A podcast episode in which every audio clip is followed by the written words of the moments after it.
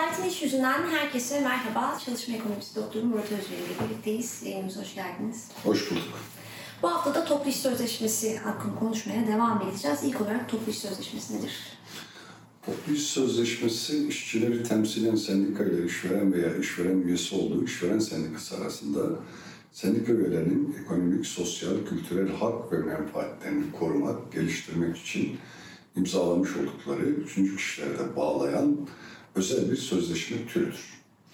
Toplu sözleşmedeki kurallar özellikle işçinin işe alınışı, işten çıkartılışı, iş yerindeki disiplin hükümlerinin uygulanması gibi işveren yönetim hakkını sınırlandıran hükümleri objektif kanun niteliğinde düzenlemelerdir. Var olan mevzuatımıza göre yetkili bir sendikayla bir işveren arasında toplu iş sözleşmenin süresi bir yıldan az, üç yıldan fazla olamaz. Toplu iş sözleşmesinin süresinin dışındaki tüm hükümlerin yürürlük süresi içerisinde uygulanırken toplu sözleşmesinin tarafları anlaşarak protokollerle değiştirebilirler ve bu da toplu sözleşme niteliğindedir. Peki bir toplu sözleşmeye müdahale mümkün mü? İmzalandıktan sonra müdahale edilebilir mi?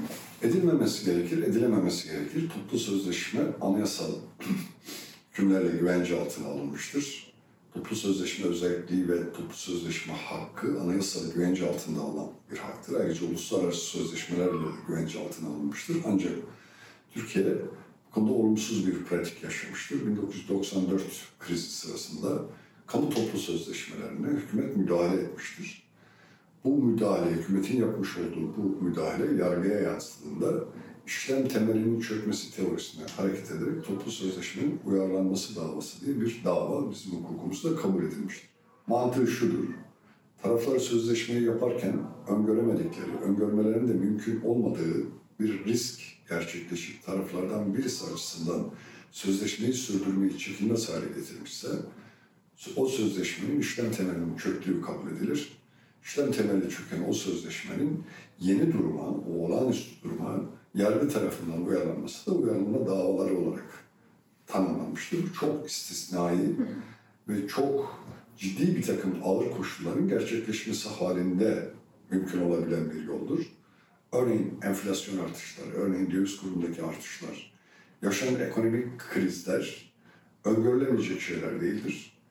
Bir işletmeyi yöneten işverenin basiretli bir tacir, bir işveren gibi davranıp tüm bu rizikoları da öngörerek toplu pazarlık masasında uzlaşmaya varması gerekir. Dolayısıyla işverenin öngörebileceği, öngörmenin mümkün olduğu hiçbir şey toplu sözleşmenin işlem temelinin çökmesi olarak kabul edilemez ve dolayısıyla toplu sözleşmeye dışarıdan bir müdahale yapılamaz. Toplu sözleşmeyi ancak toplu sözleşmenin tarafları anlaşarak değiştirebilir.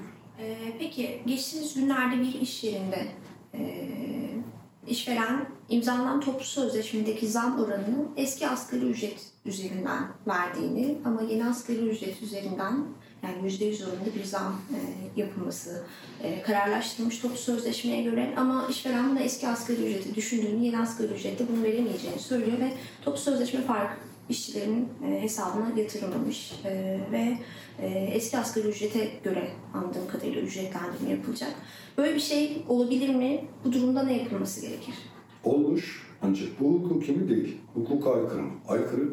İşçiler toplu sözleşmelerden fark alacaklarını en yüksek işletme kredisi faiziyle birlikte işverenin talep etme haklarına sahip. Bunun için yazık ki dava açmalar lazım. Hak grevi yolu tıkanmış durumda. Eğer hak grevi düzenlenmiş olsaydı böylesi bir durumda işçiler grev haklarını kullanacaklardı.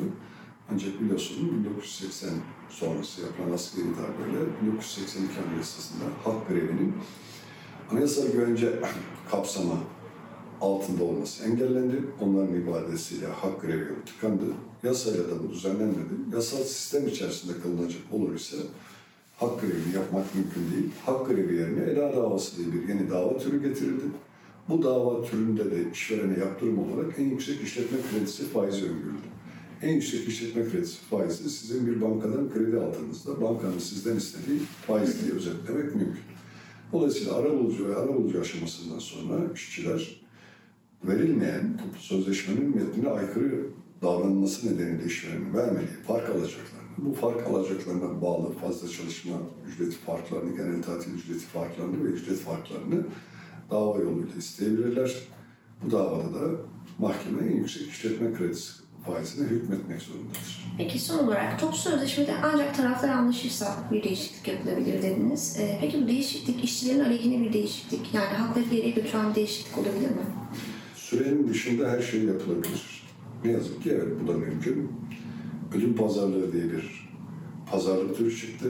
Özellikle kriz dönemlerinde istihdam güvencesi karşılığı, işte ikramiyelerin dörtten ikiye düşürülmesi ya da ücret zamlarının bir kısmından feragat edilmesi gibi uygulamalar hem dünya literatüründe hem bizim literatürümüzde girdi. Toplu iş sözleşmesi şöyle bir özgün yanını taşıyor işçiyle işverenin güçlerinin toplu pazarlıkta eşit olduğu kabul ediliyor.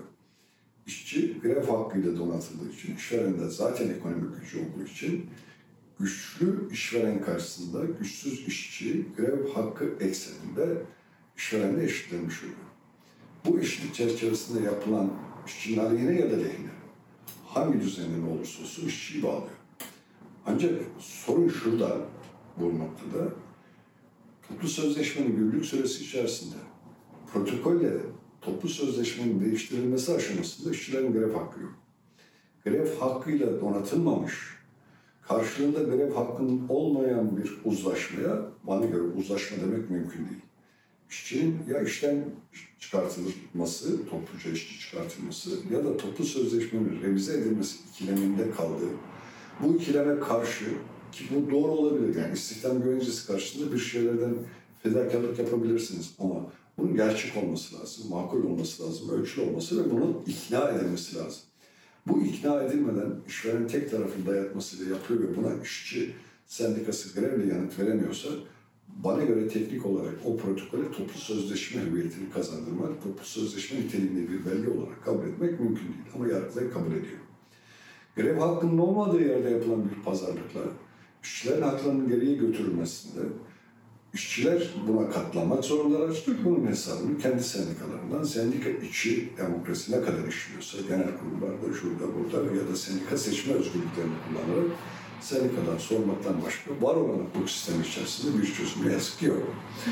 Bu bir daha altını çiziyorum. Grev hakkı olmadan yapılan protokole toplu sözleşme niteliği vermek, toplu sözleşmenin doğasına, uluslararası sözleşmelere, hatta toplu sözleşmenin anayasal tanımına aykırı. İşte haklı. Peki var mı eklemek istediğiniz bir şey? Kolay gelsin. Peki, Adalet İş yüzünden bu haftalık bu kadar. İzleyicilerimize bir kez daha duyurmuş olalım. Ekranın altında gördüğünüz mail adresine varsa sorularınız ya da programımızda ele alınmasını istediğiniz konu önerilerinizi iletebilirsiniz. Teşekkür ederiz.